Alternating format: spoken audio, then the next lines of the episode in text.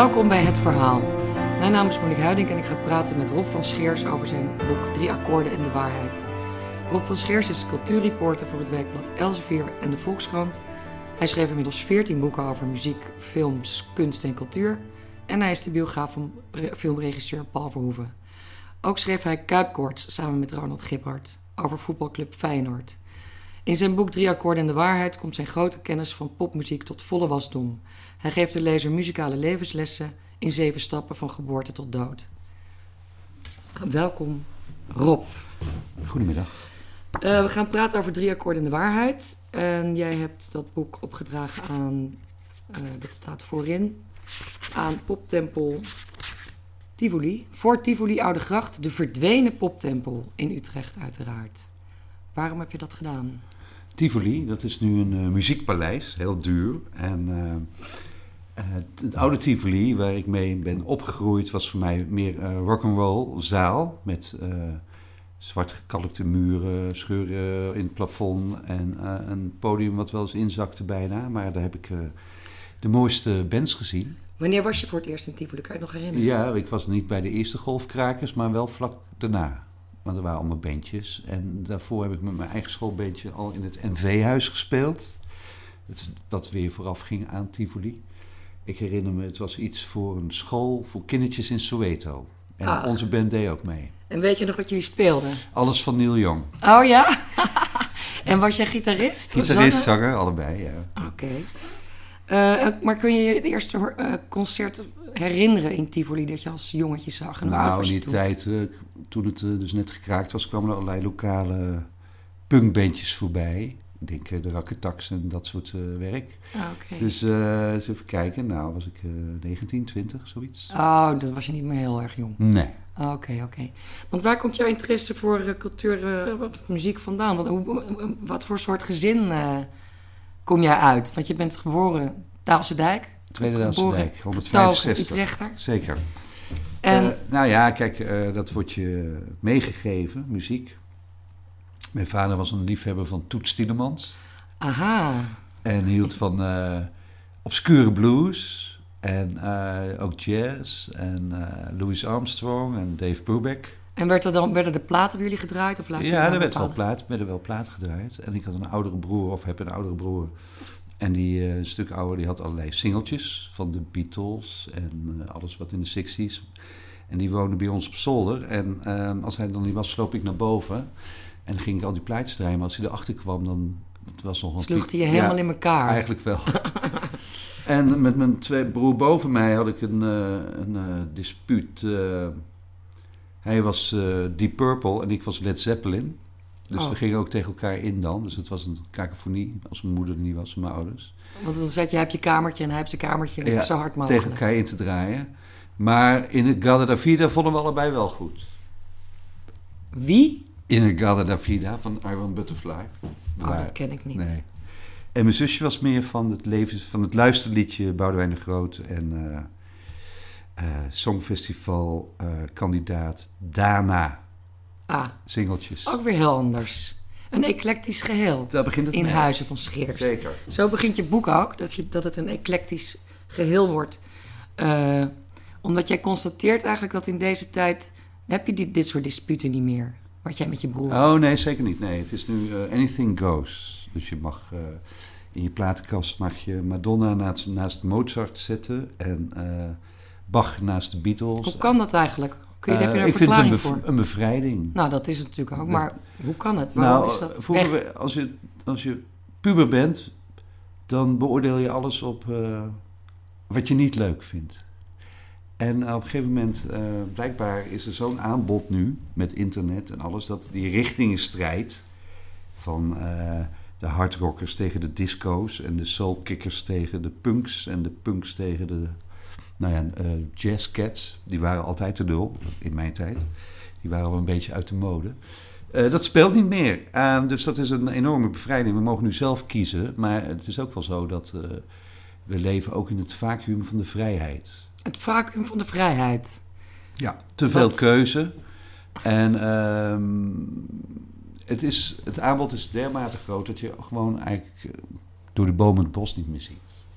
Dus voor een deel is mijn boek ook bedoeld als gids voor de geïnteresseerde luisteraar om traject uit te zetten. En wat bedoel je met door de bomen? Je kunt toch gewoon heel gericht op internet ontzettend veel vinden. Ja, maar en dan moet je het eerst weten dat, wat, er, wat je zoekt. En je hebt toch ook Spotify die bijvoorbeeld zelf suggesties eh, Ja, maar dat, geeft als je van bepaalde ja, muziek dat is gek, ja. Want ik kom daar nou nooit tegen wat ik dan leuk vind. Want ik heb ook wel eens gekeken. Ik weet niet wie, welke robot bij Spotify eh, de selectie doet. Maar ik zou wel eens een hartig woordje met hem willen spreken. Oh, want wat, eens een, wat heeft hij voor mismatch met jou? Ah, Nou, ik kom weinig tegen wat ik zelf leuk vind. In zijn aanbod van de week. En al een beetje mellow. Hè? En dan eh, weekendmuziek en eh, voor 's ochtends. En eh komt er keer eens een eitje bij. Dat is een beetje flauwkul. Gewoon niks aan. Nee. Geen karakter. Nee. En je kan Spotify wel gebruiken als je ergens iets leest. Een recensie of eh, in de Volkskrant of in de Guardian of in de Rolling Stone. Dan kun je het even snel scannen. Maar er gaat toch niets boven het eh, rondzwerven in de platenzaak en de concertagenda een beetje bijhouden. Is dat niet een beetje een ouderwets romantisch idee, Rob? Ongetwijfeld. En werkt het? Nou, voor mij wel. Want toen, in, hè, laat ik zeggen, voor internet, voor al die, eh, voor al die online diensten, moest je inderdaad naar een platenzaak waar soms ook een mer à boire aan ongelooflijke hoeveelheden platen stond. En daar ging je dan urenlang doorheen met Ja, je heerlijk. Omdat het zo fysiek is? Of, eh, Ja, fysiek. En eh, je, je spreekt mensen. Je komt eh, in contact. Hier hebben we op de, Ja, op, de, is, op, de, op de Oude Gracht hebben we de plaatboef. En Roel Spanjer, die werkt daar nu niet meer. Want die is zelf muzikant. Die is hartstikke druk met allerlei bands en theatertournees. Ik ging iedere maandagmiddag middag in de lunchtijd even bij Roel langs. En dan kwam ik binnen en zei ik, wat is de tip van de week? Kreeg ik koffie, gingen we twaalf plaatjes draaien. Dan nam ik er drie mee, of andersom. Zijn tip van de week? Of wat? Ja, maar ik had natuurlijk ook mijn eigen tips en dan gingen we dat eh, analyseren. Dat is gewoon eh, plezier, fun, muziek, leuk. En was spreken. iemand die bijvoorbeeld dan bij hem binnenliep en zei: Mag ik even alle nieuwe platen luisteren? Nee, maar die staan daar uitgestald, dus dan ga ik eerst zelf Dat die checken. bak, eh, ja. gewoon, ja. Nee, gewoon bovenop die planken. Oh ja. Boven die bakken, dus de, de, de nieuwe releases. Denk je, oh, dit is interessant, dat is interessant. Misschien moet ik dat eens luisteren. ja. En dan heb, heb jij nog een tip van de week? Doe je dat nog steeds? Nee, want Roel die is daar niet meer. En eh, die andere die, van wie de zaak is, die, daar heb ik wat minder rapport mee. Ah. Oké. En Nou, die, dat en die heeft nou ook jammer. niet eh, de goede tips. Maar hoe kom jij nu dan aan je nieuwe muziek? Ja, ik eh, volg het goed. Ik lees de bladen en ik kijk. En ik, eh, ik, heb, ik heb nog meer muziekvrienden natuurlijk. Ja. Ehm, nou, ik vind het interessant om zowel het spoor naar voren als terug te volgen. Kijk, ik schrijf veel over film. Er komen nu biopics aan over Nina Simone, Miles Davis, Chet Baker, Hank Williams. Allemaal classics. Ik was gisteren met mijn vriendin Marieke nog even op de valreep naar de David Bowie tentoonstelling in Groningen.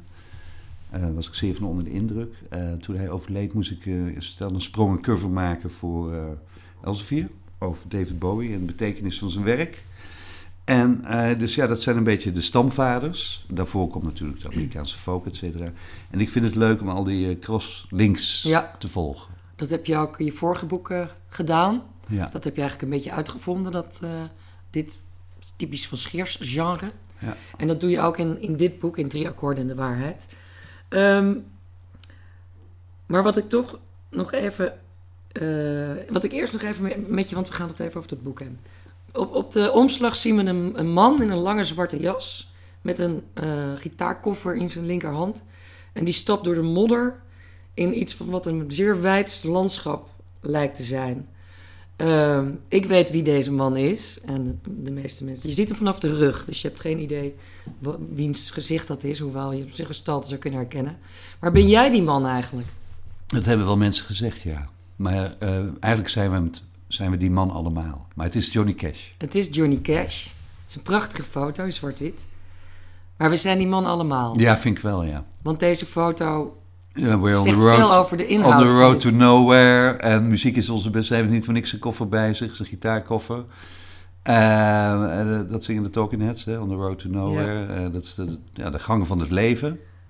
Zoals ik heb beschreven in het boek van Geboorte tot Dood. Alles ertussenin en beyond. Ja, En Johnny Cash is natuurlijk de archetypische storyteller. De verhalenverteller.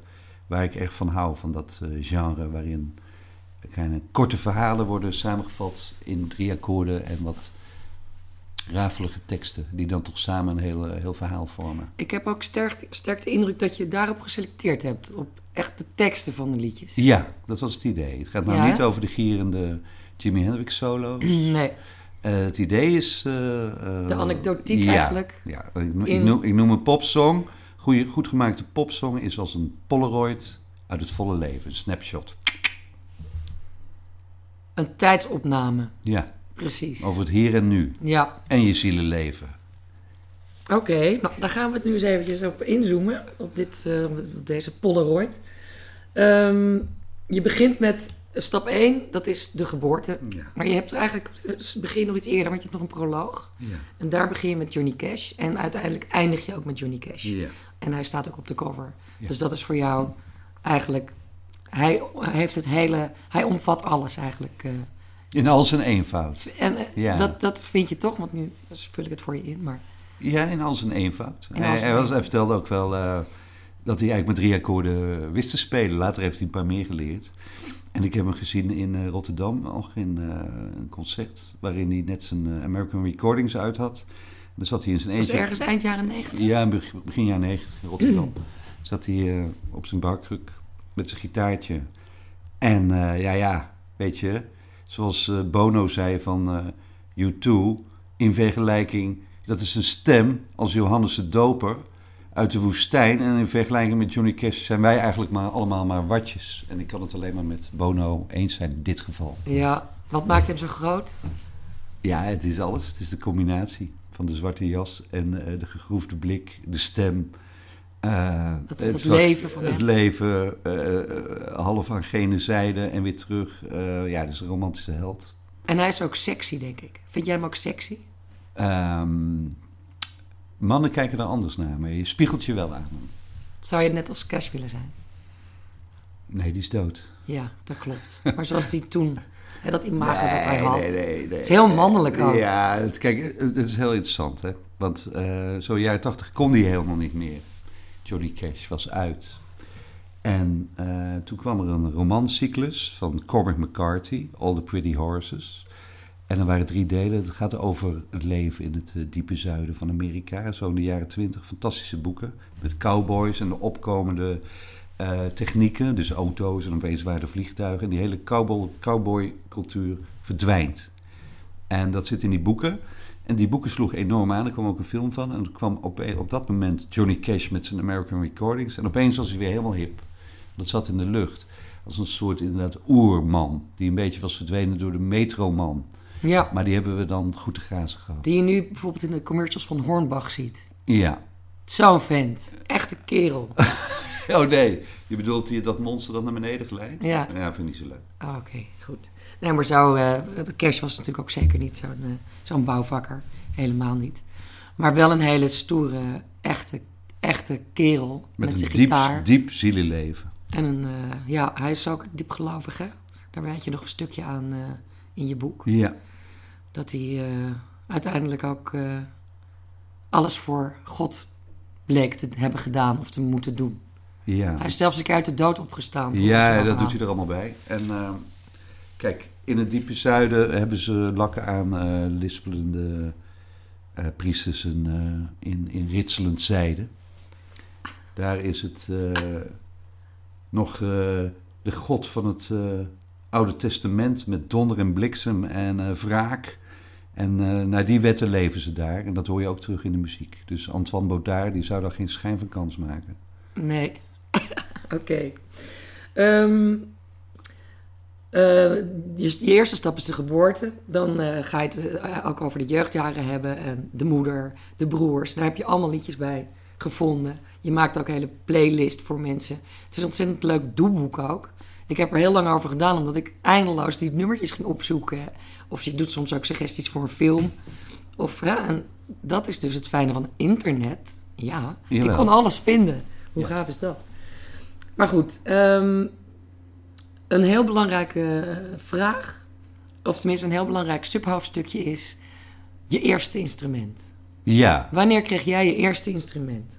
Ja, nou kijk, ik was de jongste. En mijn broer, die is zes jaar ouder, die had al een gitaar. En als die er dan niet was, dan zat ik dus eh, of boven bij mijn oudste broer rijden, of al stiekem te oefenen op zijn eh, gitaar.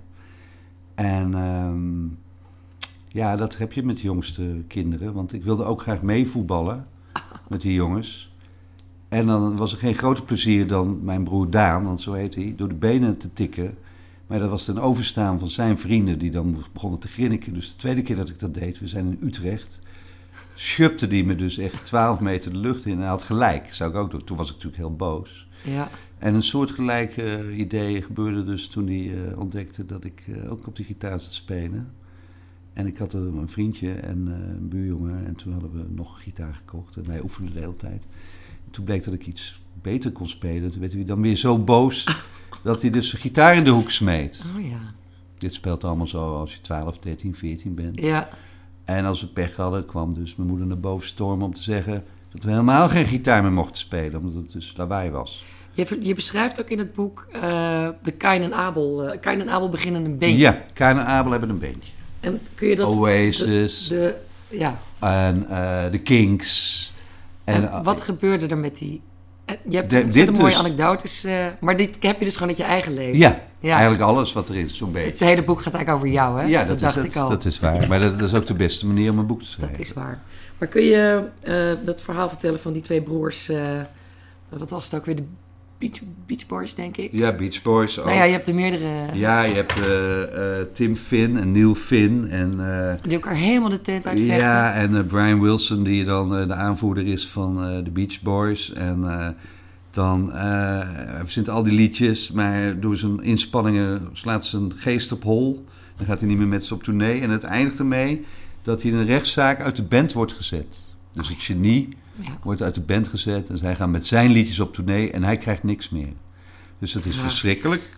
Ja. En uh, in Oasis en al die andere bands is het, uh, het is een heel slecht idee om met je broer een band te beginnen. Bij de Kings zijn uh, Ray en Dave Davies over het podium gerold. En de Everly Brothers... Vechtend. Die, ja, vechtend. Rollend, ja. vechtend. En de Everly Brothers die moesten dan nog optreden. Die hadden het voor elkaar om dan Don en Phil... Ieder uh, voor de micro dezelfde microfoon te staan, maar allebei naar andere kanten uit te kijken. Oh ja. Dus ze keken elkaar niet meer aan tijdens hun duetten. Mm. Dus dat is eigenlijk geniaal. Dus heb je een voorbeeld van een geslaagde broorband? De Osmond Brothers? Ja. Ik weet niet hoe Die dat zit je met... boek niet voor, nee, trouwens. ik weet niet hoe het zit met Little Donny Osmond. Oh ja. ja hoe dat ja. is afgelopen. De Jackson 5. Ja, ook niet goed. Nee, oh, eigenlijk het is, het is echt... Uh, Beter geen familie... Uh, nee, ik denk het bandje niet. Met, met je familie beginnen. Nee. Uh, je hebt uh, een bepaalde methode uh, in het boek gehanteerd. En dat noem jij de Hoskins. Met Barney Hoskins. Ja. Wie, wie, wie, was die? Barney Hoskins is een Amerikaanse muziekjournalist.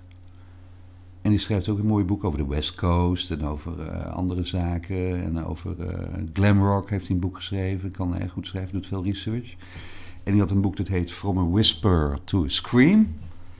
En die gaf het advies, heel erg leuk, van uh, je staat voor je platenkast. Denk, oh ja, dat is cliché, dat heb ik al zo vaak gehoord, dat is boring, dat is dit. God, ik heb niks meer om te draaien. Maar de waarheid is, als je echt focust, met bijvoorbeeld door middel van een koptelefoon, en je gaat in alle rust zitten en je zet bijvoorbeeld die ene grijs gedraaide Frank Sinatra plaat nog eens op, doet het licht uit, tv uit, geen vriendin in de buurt, geen boek tussendoor, krant lezen, concentreer je op die muziek dan zul je nog uh, nieuwe dieptes ontdekken die je nooit eerder hebt uh, gehoord. Dus dan heb je opeens weer een hele kast vol nieuwe muziek. En hij geeft daarvoor een heleboel tips die jij ook hebt opgeschreven. Nu moet ik dat natuurlijk als een dolle even terugzoeken. Met je, of weet je ze nog uit je hoofd? Nou. Even kijken, want ik had er wel een dingetje. Ja, hier. Um, misschien kun je deze tips, tips. Die, die, methode even de voorlezen. Methode. Ja. Oké, okay. Hoskins roept ons op een koptelefoon te pakken. Hij wil dat we weer eens intens plaatjes draaien, alsof we wederom in een muziekzaak staan, net als op de dag van aanschaf en met, en met maar weinig geld op zak, zodat je wel beslissende keuzes moet maken. Stel u zelf vervolgens deze primaire vragen. Wat voor soort stem hoor ik hier? Wat kun je zeggen? B. Wat kun je zeggen over dictie, timbre, timing? C. Word ik door deze stem geraakt? D. Waar zit hem dat nou in? E. Wat zegt de tekst mij? F. Waarom zou dit nummer nu nog waarde hebben? G. Hoe pakte de concurrentie destijds de zaken aan? En beluister die dan ook meteen. En als je, dat, als je deze tips, als je deze manier eh, hanteert, dan ga je heel andere dingen horen in de nummers die je eigenlijk ontzettend, die, waarmee je heel erg vertrouwd bent. Dat is de gedachte. Dat is het idee, ja. Ja. Nou, leuk. Ehm, Leuk, het is een zaak van leven op dood. het, is, het is extreem belangrijk. Ik, Ja. ik begrijp. Sorry dat ik leuk zei. Het is, het is verschrikkelijk. Ehm, even, even door naar eh, de manier waarop jij, waarop jij werkt. Je, een aantal keren in het boek eh, doe je heel knorrig, een beetje zo Utrechts, chagrijnig over Wikipedia. Ja, Je haat Wikipedia-journalisten, dat is volgens mij een Ja. uitdrukking die jij zelf hebt bedacht. ja. Dat zijn mensen die alles opzoeken op de naam, zegt het al, Wikipedia. Nee, nee, nee, nee. Kijk, het zit anders. Oh.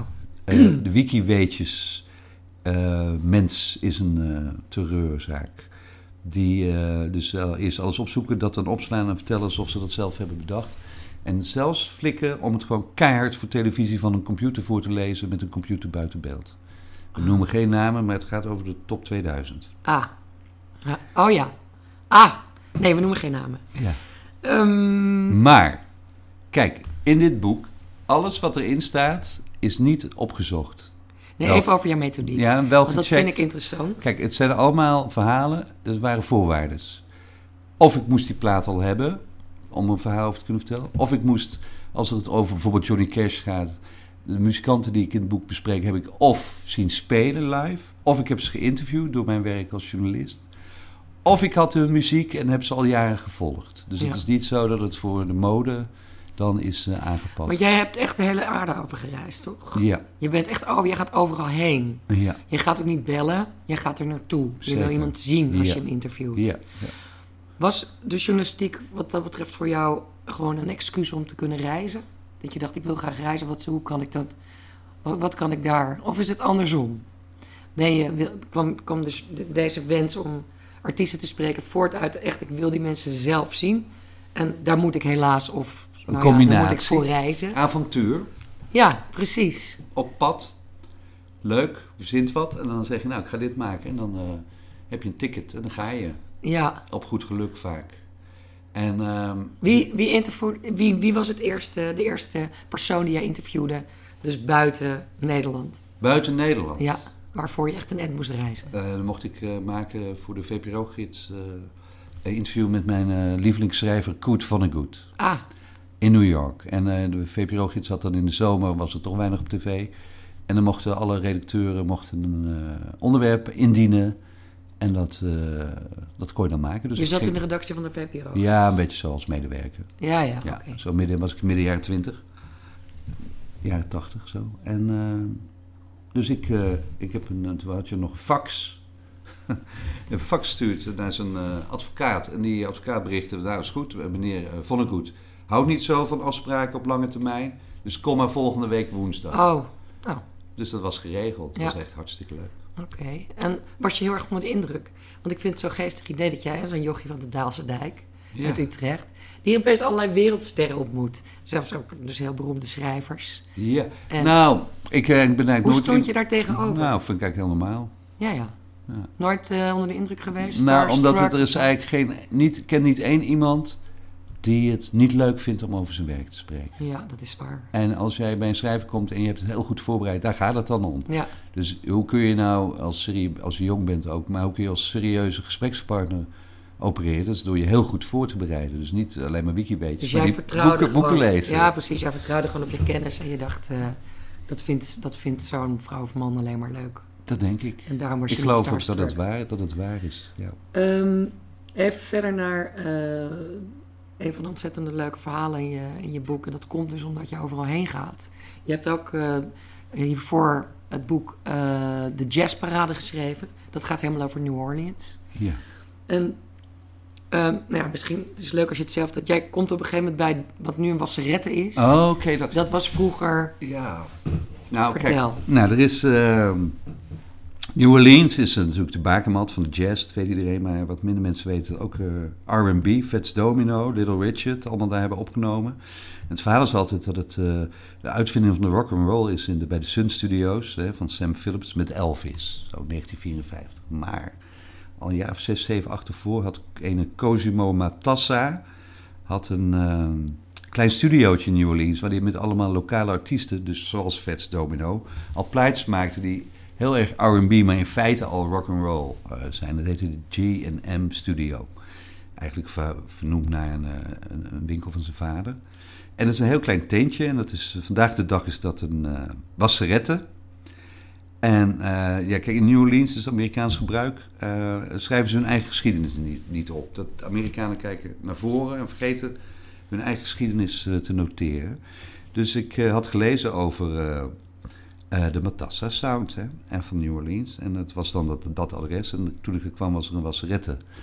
En ik uh, stapte daar maar naar binnen en uh, nou, die man begon te vertellen van een eerste studio. En er kon weliswaar nog net een piano in. Soms stonden ze met z'n zestienen en maakten ze die plaatjes, dit en dat. En, en op een zeker moment zei die meneer, die trouwens heel veel van muziek wist voor iemand van een wasseretta. um, Waarom vraagt u mij dit allemaal? Waarom gaat u niet even zelf langs bij Cosimo? Oh. En die was toen al ver in de tachtig. Ik denk, ja, elf zelf langs bij Cosimo. Ik had mijn wiki niet gecheckt. Ik dacht, die is al lang dood. Oh, ja. Of die zit in uh, Florida te genieten van zijn welverdiend pensioen. maar hij bleek uh, met zijn kleinzoon een uh, buurtsuper te runnen. En die kleinzoon stond achter het verse fruit. Dus ik liep een paar straatjes verder. Zei, is, is meneer Matassa thuis? Cosmo, dat was dan zijn koosnaampje. Ja hoor, ik roep hem wel even. En na wat gestommel kwam er een 1,60 meter lange, kleine Italiaan naar beneden. Een meneertje met ook nog een Italiaans shirt aan, rood, wit en groen. En dat was Cosimo Matassa, uh, de, de echte uitvinder van de rock and roll. Nou. Helemaal vergeten. Ja. En ik mocht meekomen. Ik heb hem gesproken, hij heeft als een uh, fotodoos om, omgegooid. En hebben we daar uren zitten kletsen. En die man was helemaal gestreeld. Maar, Eindelijk iemand die eens naar hem vroeg. Ja. En daarna heeft hij, Bizar, heeft hij dus... Uh, ik was een vriend geraakt met een uh, New Orleans uh, muziek, muziekjournalist. En die hebben dan uiteindelijk actie gevoerd voor meneer Matassa. En die heeft toch nog zijn, zijn plaketten gekregen bij de wasseretten. En de grote interview Ach. in de krant. En dat is nog een beetje goed gekomen. Oh, oh nou gelukkig. Mooi verhaal. Hij is, maar nu, dat hij, krijg je dus... hij is nu dood. Ja, hij is dood, ja. Ja. Dat, dat las ik. Dat krijg je alleen maar... Dat door- krijg je alleen maar door deze manier van eh, eigenlijk een soort onderzoeksjournalistiek of in ieder geval erop afgaan, erop uitgaan. Ehm, maar je hebt natuurlijk nog veel en veel meer eh, grote sterren geïnterviewd. En deels heb je die interviews ook of stukken eruit opgenomen in het boek. Ja. Ehm, zoals, eh, dat, dan zijn we al bij stap 3. Stap 3, of even kijken hoor, stap 1 en- en 2. Dat is de geboorte, de jeugdjaren, de tienerjaren en de gloriedagen. Stap 3, dat is de weg omhoog. Ja. Dan ga je erop uit. Dan Ja. ga je on the road eigenlijk. Hmm. Carrière-wise ook, ja. Maar wie je nog net eventjes bij die tweede stap hebt staan is Chuck Berry. Ja. Maar dat is omdat hij allemaal liedjes schrijft over de tienerjaren. Oh ja, maar je Dus, hebt eh, ook een, een eigen ervaring met Chuck Berry. Oh ja, dat is de dag dat ik man werd. Ah, Ja, vandaar dat hij toch bij die stap 2 ja het slaat dan helemaal terug op de auteur. Want hoe werd jij man? Ja. Dankzij Chuck Berry. Chuck fantastische Berry. muziek. Zeker. En eh, er was dus die film, eh, heel heel rock and roll. En toen kwam hij naar Sea Jazz. En toen dacht ik, nou dan ga ik Chuck Berry interviewen. Maar dat wist ik al uit die film, heel heel rock and roll. Dat is een ongelooflijke eikel. En ze kregen een heel gek kat-en-muisspel in het Bel Air Hotel in Den Haag, waar toen nog Sea Jazz was. Was over gefaxt met het management, was goed, we konden wel even spreken, leuk en zo toch optreden, hij was het toch al. En eh, Chuck Berry is dan een meester in het treiteren van eh, zijn, eh, nou ja, gehoor. Dus journalistenspelletje van fax, fax, ik weet niks van een fax, nou rechtgezet. Ja, maar ik ga nu eerst even eten, dat gegeten. Het is nu tijd voor een interview, meneer Berry. Nee, ik ga nu even rusten. En dat duurde en dat duurde en dat duurde en dat duurde. Toen kwam hij om een uur of vijf naar beneden, ging hij naast me zitten op de bank. Dus ik pakte mijn recordertje. vijf uur? Nou, nou, nou ja, ongeveer Vijf na uur vijf- ja, wachten. ja. Ja. En zei hij, eh, nee, nu nog steeds. Nu ben ik me aan het eh, voorbereiden op het optreden. En ik dacht, ja, dit gaat nog uren duren. Ik moet iets doen. Ik kan niet zomaar weglopen. Dus ik dacht, eh, nou ja, dan doe ik maar het domste wat ik kan doen. En ik stond op en ik gaf hem mijn hand en ik zei, fuck you, Chuck. En toen werd hij heel boos. Ja, werd hij boos? Ja, hij werd echt boos. Wat deed hij? Sloeg hij? Nou, het scheelde niet veel. Vloeken. En, Ah. eh, maar toen liep ik weg. Dus dan hadden we, dat is, eh, Had je gewonnen? Nou, het was natuurlijk wel een gek, gek, gek verhaal. Want je maakt niet iedere dag ruzie met Chuck Berry. Nee. En dan ga je echt met een nieuwe levensfase in. Ja, dat snap ik. Dat heb je goed gedaan. En dankzij Chuck toch nog Chuck, een goede daad Ja, eigenlijk. er voor hem. zijn mensen, muzikanten, vrienden, zeggen, dat kan je niet opschrijven. Waarom niet? Ja, Chuck Berry is Chuck Berry, is ook een van de uitvinders. Ja. Ja. Maar ja, het is toch een feitelijk verslag. En ik had het eh, heel goed voorbereid. Ik had me echt op verheugd. Want ik vind zijn liedjes geweldig. Hè? Ja. Hij is ook echt eh situatieschetser, hè, zoals je dat noemt. Dus met een paar pennenstreken zit je al in een auto met een meisje... en dan rij je al with no particular place to go rond. Ja. En Johnny B. Good, het is allemaal fantastisch. Maar die man is echt niet te doen. Het zit ook in die film met... eh, Keith Richards organiseert dan een, eh, een benefietconcert voor hem. Die zegt dan ook eh, bij de interviewtjes... dan moeten we er allemaal om lachen, Bruce Springsteen... van nou, wij zijn heel wat gewend... maar Chuck Berry is veruit de ergste. Ah, ja, ja, ja. De onhandelbaarste. Ja, nou ja, goed, dat is ook natuurlijk omdat hij een enorme ster is. Sommige mensen die een ster zijn of worden, gaan zich zo gedragen. Als nare mensen. Niks aan te doen. En je vergeeft het ze toch ook weer.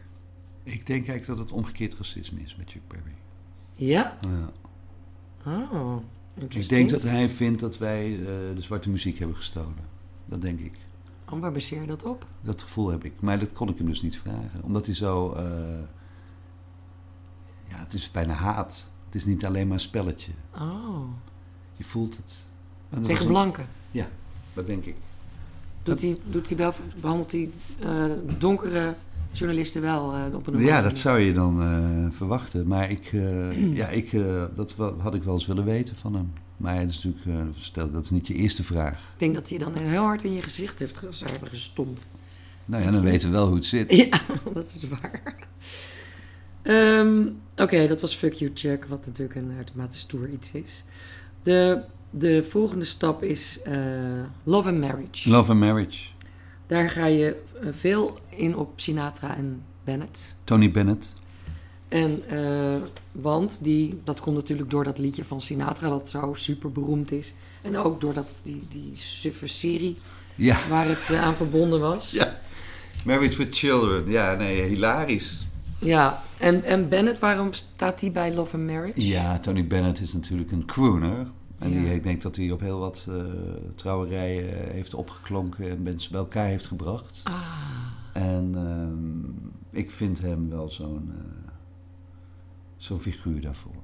Ja, een beetje in zijn tijd gezien. oké. Het is een romantische storyteller, Tony Bennett. Ja, prachtige stem. Ja.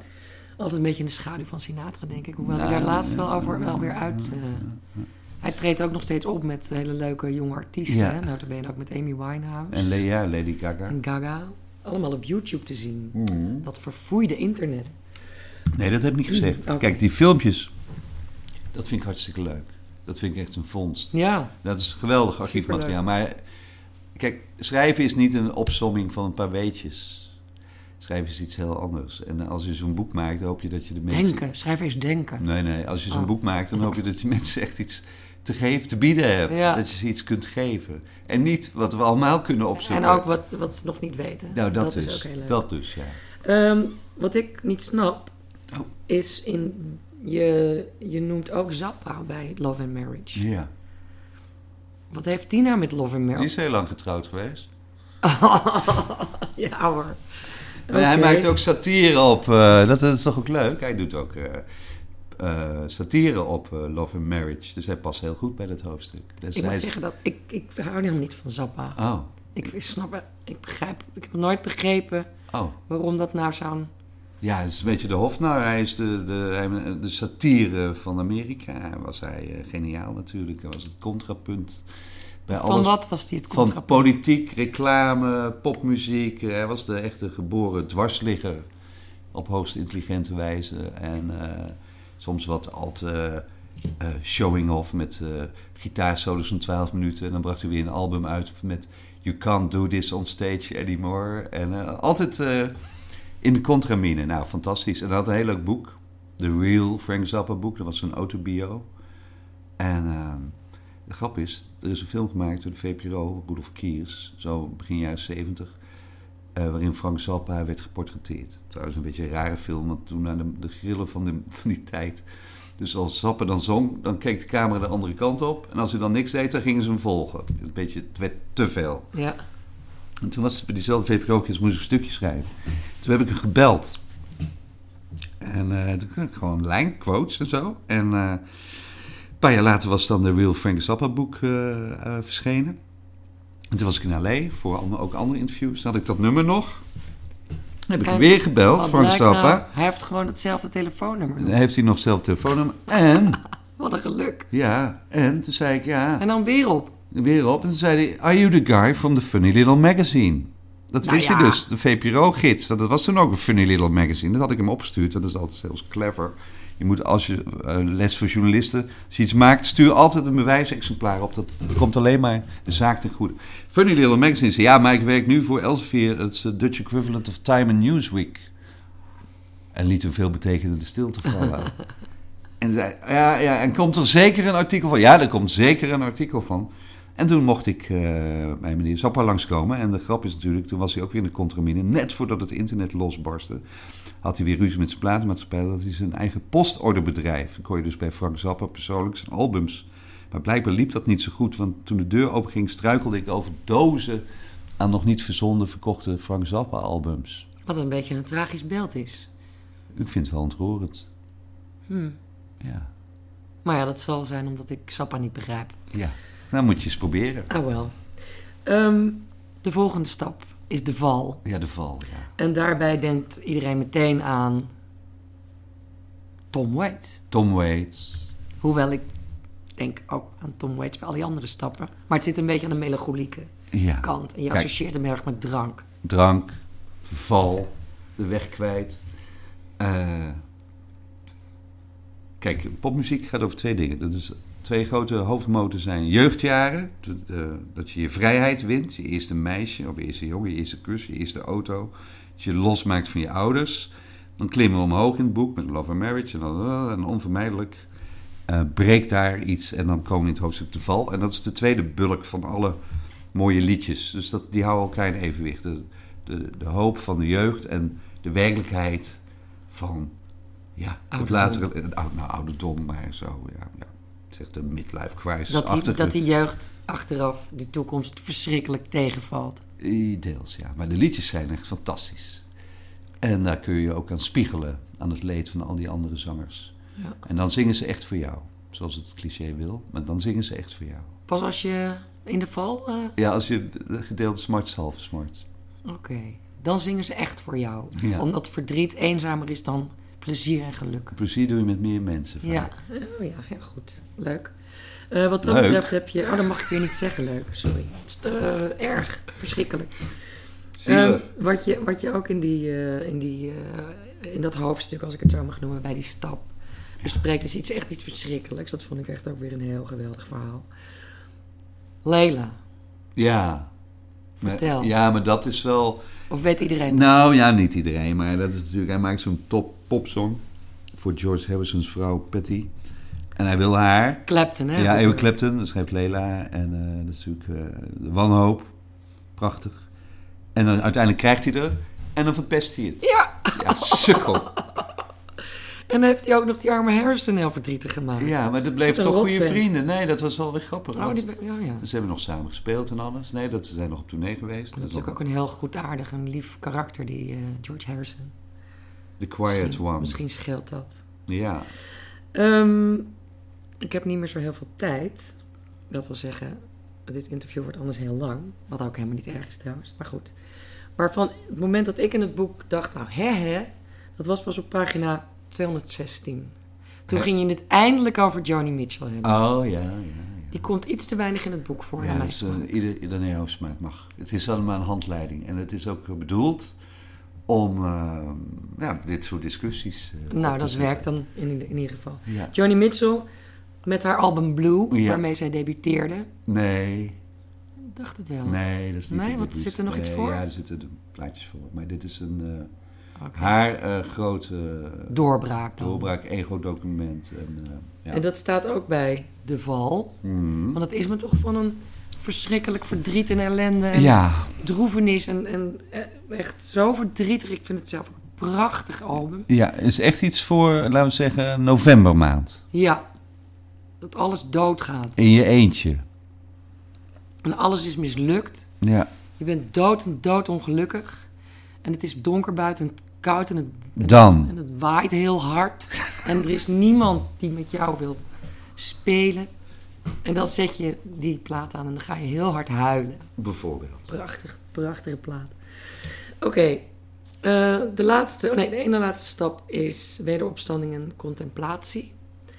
Ehm, en daar heb je ook een heel mooi verhaal over Chad Baker. Chet Baker, ja. Die eigenlijk bij de val moet horen, want hij is tenslotte uit het raam gevallen. Ja, maar ik vind toch eh, dat hij zo wijs was nog.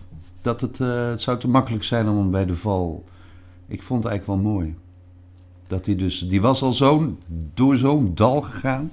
dat hij eigenlijk eh, weer wijs werd. Dat kan, hè? Oh, je hebt hem gesproken toch ook? Ja.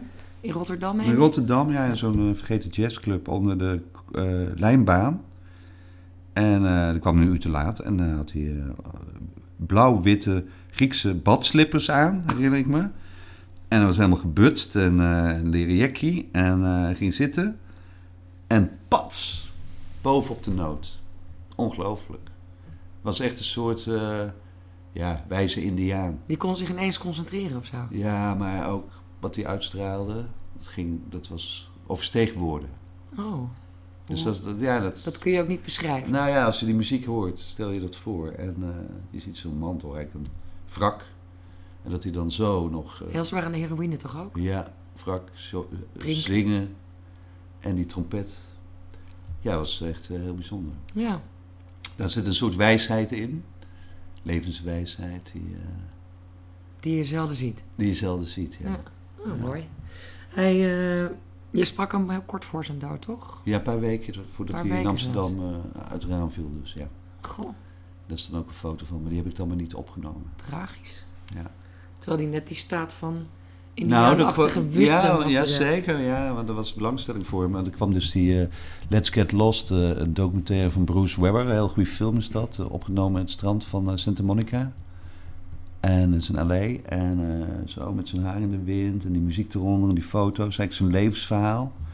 Ja, dan zie je dat die West Coast Jazz, hoe dat swingt en wat, hoe bijzonder dat is. En een beetje zonniger dan eh, New York of diep in de Ja. put zitten.